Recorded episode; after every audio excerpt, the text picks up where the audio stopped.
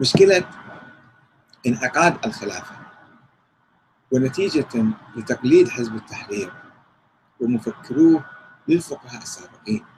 وهذا أمر يحتاج إلى اجتهاد حديث ما يجوز نقلد فيه. نبني نظام ودستور ونصرف طاقات هائلة عشرات السنين ونحن مقلدين آخرين بدون اجتهاد بدون وعي بدون تفكير. كل هاي المشاكل في دستور حزب التحرير نتيجة لتقليده آه، للفقهاء السابقين وإيمانه وإيمانه بمثالية وشرعية التجارب التاريخية. وكلها فاسدة كانت أو معظمها. يعني وقع في تناقض آخر. نتيجة من ذلك وقع في تناقض آخر. أدى به إلى التراجع عن الخطوات الإيجابية التي حققها أو نظر لها في البداية بالتأكيد على أن الخلافة عقد مراضات واختيار وبيعة لا يجوز أخذها من الناس بالإجبار والإكراه. طيب إذا كان في عقد البيعة أنه يجب الالتزام بشروط معينة وأخل بالشروط.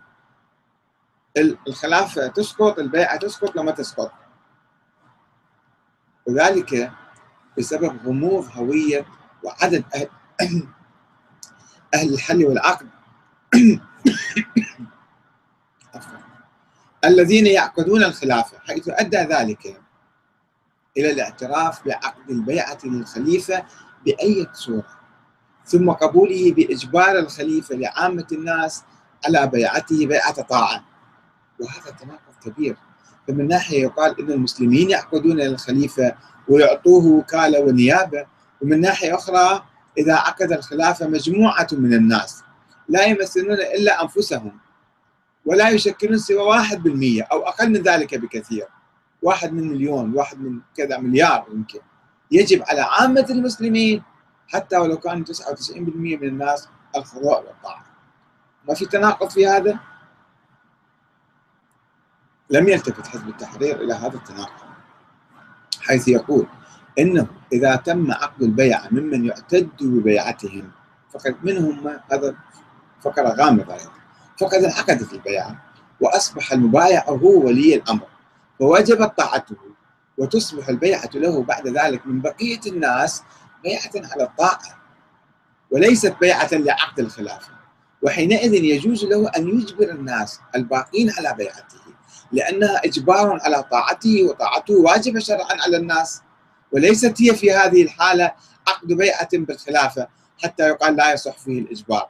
وعلى ذلك فالبيعة ابتداء عقد لا تصح إلا بالرضا والاختيار. أما بعد انعقاد البيعة للخليفة فتصبح طاعة. أي انقيادا لأمر الخليفة ويجوز فيها الإجبار تنفيذا لأمر الله تعالى من أين جئتم بها أمر الله؟ كيف؟ يعني هذا افتراء على الله تعالى ويحاول حزب التحرير أن يحتج بتجربة الخلفاء الراشدين فيستنتج جواز قيام أي مجموعة في أي بلد إسلامي بعقد الخلافة. لأي شخص تتوفر فيه الشروط وإجبار بقية المسلمين في كل أقطار الأرض على الخضوع لهم. طب دي كانت في ظروف خاصة في حالة خاصة معينة وفيها كلام أيضا وفيها بحث وأنت تعتبر هذه قدوة ومثال ويطبق عليها الآن الأمة الإسلامية كلها في الأرض يجب أن تطيع هذا الخليفة اللي ينتخب في ألبانيا. ويقول آه، منذ زوال الخلافة في إسطنبول سنة 1343 هجرية الموافق سنة 1924 ميلادية فإن كل قطر من الأقطار الإسلامية الموجودة في العالم الإسلامي أهل لأن يبايع خليفة. يعني يعتبر الخلفاء العثمانيين خلفاء شرعيين أيضا رغم أنهم جاءوا بالعهد جاءوا بالقوة ما كان في بيعة ولا كان شيء كلهم خلفاء. مرة يقول الخليفة يجب أن ينتخب وعقد مرابات وكذا مرة يعتبر كل الحكام اللي إجوا باسم الخلافة هم خلفاء شرعيين. فبعدهم زمانه ما يجوز بعدهم يجوز أو يجب. وتنعقد به الخلافة فإذا بايع قطر ما من هذه الأقطار الإسلامية خليفة وانعقدت الخلافة له فإنه يصبح فرضا على المسلمين. في الأقطار الأخرى أن يبايعوه بيعة طاعة أي بيعة انقياد بعد أن انعقدت الخلافة له ببيعة أهل قطره سواء كان هذا القطر كبيرا كمصر أو تركيا أو إندونيسيا أم كان صغيرا كالأردن أو تونس أو لبنان. ويكون هو الخليفة شرعا. ولو قام بنصبه خمسة أشخاص. خمسة أشخاص قاموا بانتخاب واحد فيفرض على الأمة الإسلامية كلها أن تطيع أو تسمع كلامه. إذ يتحقق فيهم الجمع في إجراء نصب الخليفة. أنه إذا مجموعة من الناس قاموا. ويتحقق الرضا بالسكوت والمبادرة إلى الطاعة. فكر فكر خطير فعلا ما أعرف كيف يعني وينشروه ويسووه ويؤكد حزب التحرير أن الخلافة تنعقد بأي خليفة يستكمل شروط الانعقاد مهما كان عدد المبايعين الذين بايعوه فمن يقوم بالفرض يكفي لانعقاد الخلافة به. أربعة خمسة مو مشكلة. ومتى قامت الخلافة في ذلك القطر وانعقدت لخليفة يصبح فرضا على المسلمين جميعا الانضواء تحت لواء الخلافة ومبايعة الخليفة وإلا كانوا مأثومين عند الله. ويجب على هذا الخليفة أن يدعوهم لبيعته يجب عليه هو أصلا يدعوهم لبيعته فإن امتنعوا كان حكم حكم البغاة. خلاص حللنا دماءهم. ووجب على الخليفة محاربتهم حتى يدخلوا تحت طاعته حكم دكتاتوري على الأمة الإسلامية كلها ويؤكد حزب التحرير أن الخلافة تنعقد بأي خليفة يستكمل شروط الانعقاد. قرأنا هذا وهكذا يفتح حزب التحرير بابا واسعا على الفتنة والحروب الداخلية في العالم الإسلامي. تحت شعار فرض الخلافة وأخذ الطاعة للخليفة الذي لم ينتخبه سوى حفنة صغيرة من المسلمين في بلد صغير في صقع من أصقاع الأرض.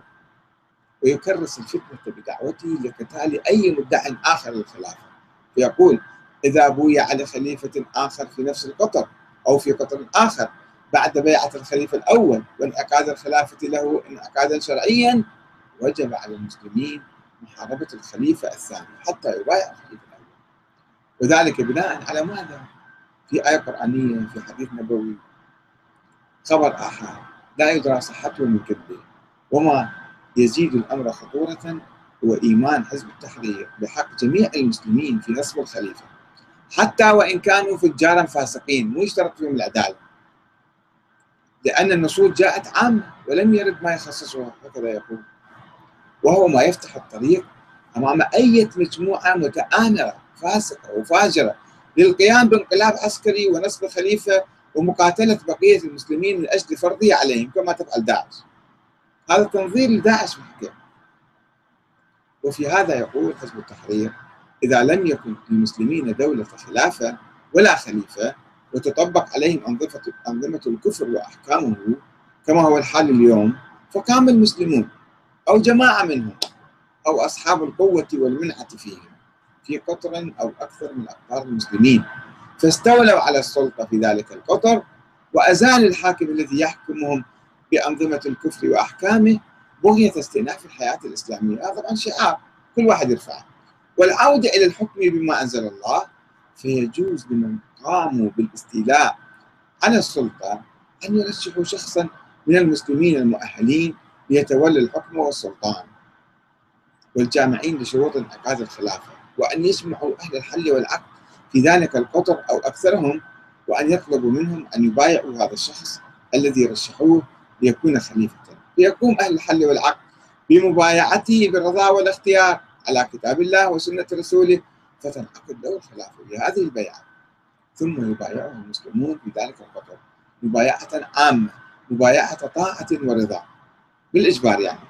ومن ثم يباشر فورا بوضع الإسلام كاملا موضع التطبيق والتنفيذ دون تأخير وبذلك تعود دولة الخلافة إلى الحياة ويعود تطبيق أحكام الإسلام وأنظمته إلى الوجود وتتحول الدار في ذلك القطر إلى دار الإسلام. والآن الإسلام كل دار كفر.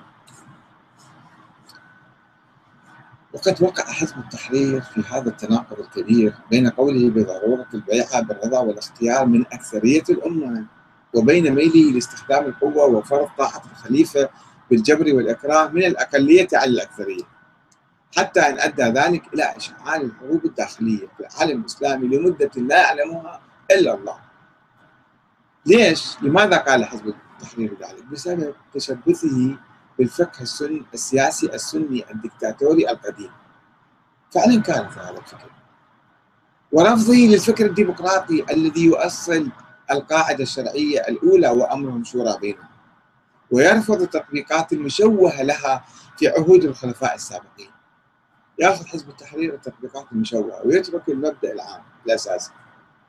والأخطر من كل ذلك هو تمسك الحزب بأصول المذهب السني القاضية بحكومة الأحاديث عن القرآن الكريم.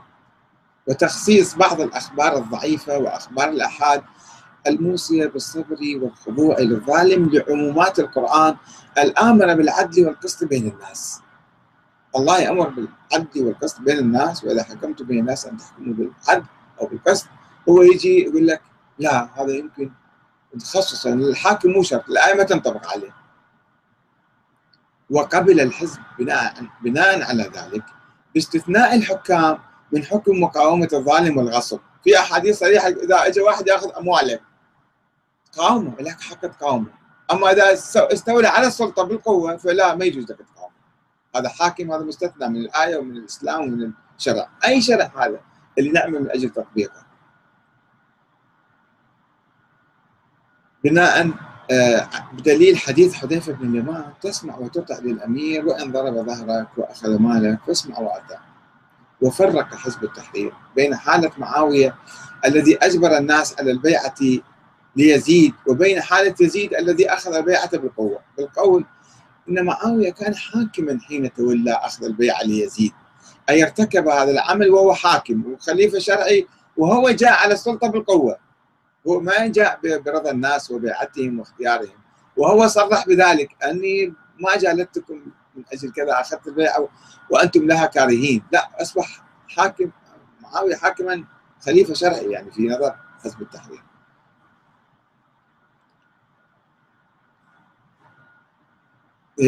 يصبح هذا الحاكم مستثنى من عموم أدلة الغصب بالأحاديث الواردة في طاعته. الحاكم لا يحل قتاله مهما عمل إلا في حالة واحدة إذا أظهر الكفر البواح أما إذا فرض ابنه على الناس بالقوة هذا جائز. كل تناقضات يعني فكر متناقض من أوله إلى آخره ويعتبروه هذا هو الإسلام وهذا الدين هذا حكم الله. واستثنى معاوية من حكم المقاومة حزب التحرير. في حين ايد موقف المقاومة ليزيد.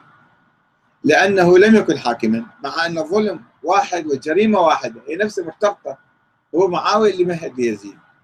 ولكنه قال بذلك التزاما باستثناء الحكام من عمومات القرآن الكريم التي تأمر بالعدل وبمقاومة الظالمين. إذا إحنا استثنينا الحكام من هذه الآيات فماذا يبقى بعد ذلك؟ الظلم سوف يعم كل البلاد. ولم يتحدث حزب التحرير عن الحاكم الذي يبايع لفترة محددة ثم يغتصب السلطة بعد ذلك. وينتهك الدستور ويصادر الحريات العامة ويقيم حكما عرفيا لأن الحزب لا يؤمن بجواز تحديد الحكم بفترة محددة. لا يبحث المسألة أصلا؟ أو لأنه يعتبره حاكما ظالما يجب الصبر عليه ولا تجوز مقاومته. وهنا يحتاج آه، الحزب لمراجعة جذرية لأصل هيمنة الحديث على الكتاب أو تخصيص الحديث لعمومات الكتاب وتقييد المطلق حتى مع مخالفة التخصيص والتقييد لمئات النصوص الواردة في الحث على العدل والقسط والمحذرة من الظلم والظالمين. كيف نلغي كل هذا التراث كل هذه الآيات؟ مئات الآيات في القرآن الكريم. تحث على العدل والقسط كلها نقول ما تشمل الحكام. هذا فقط الناس البسطاء المساكين إن نظام الخلافة الذي يتحدث عنه حزب التحرير لا يوجد في القرآن الكريم ولا في السنة